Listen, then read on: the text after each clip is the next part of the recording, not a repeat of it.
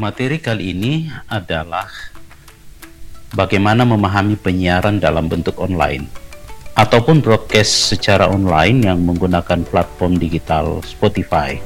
Pertama-tama, kalau belum ada di aplikasi Anda di Android ataupun iOS, silahkan Anda cari di Play Store Spotify for Podcaster. Begitu juga dengan yang menggunakan iOS ya. Jika sudah ketemu, silahkan download Tunggu hingga selesai, pastikan akun Anda sudah terkoneksi dengan aplikasinya.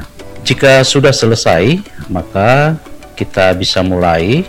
Ada dua model, Anda bisa mengirimkan file audio yang sudah Anda rekam, namun bila Anda ingin membuat rekaman langsung juga bisa dilakukan.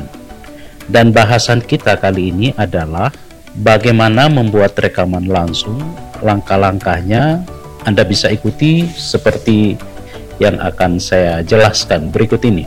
Di aplikasi akan muncul tekan tanda plus atau tambah. Nah, di layar akan terbaca episode ini belum memiliki segmen. Dan setelah klik tanda tambah atau tanda plus, maka Anda akan menuju menu selanjutnya yaitu menu rekam. Di sini Anda klik ikon mic mikrofon yang berwarna merah yang ada di tengah untuk memulai merekam. Silahkan rekam audio Anda dan waktu sudah mulai tampil yang menandakan rekaman sedang berlangsung. Setelah selesai, Anda bisa menekan tanda berhenti, kemudian menu berikut akan ke pratinjau audio kamu.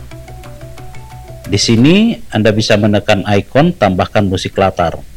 Setelah selesai, akan ada tampilan menu uh, pilihan musik yang Anda sukai. Silahkan pilih salah satunya.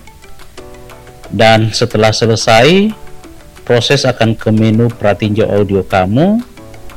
Namun di sini sudah ada ikon centang biru atau simpan. Silahkan klik simpan.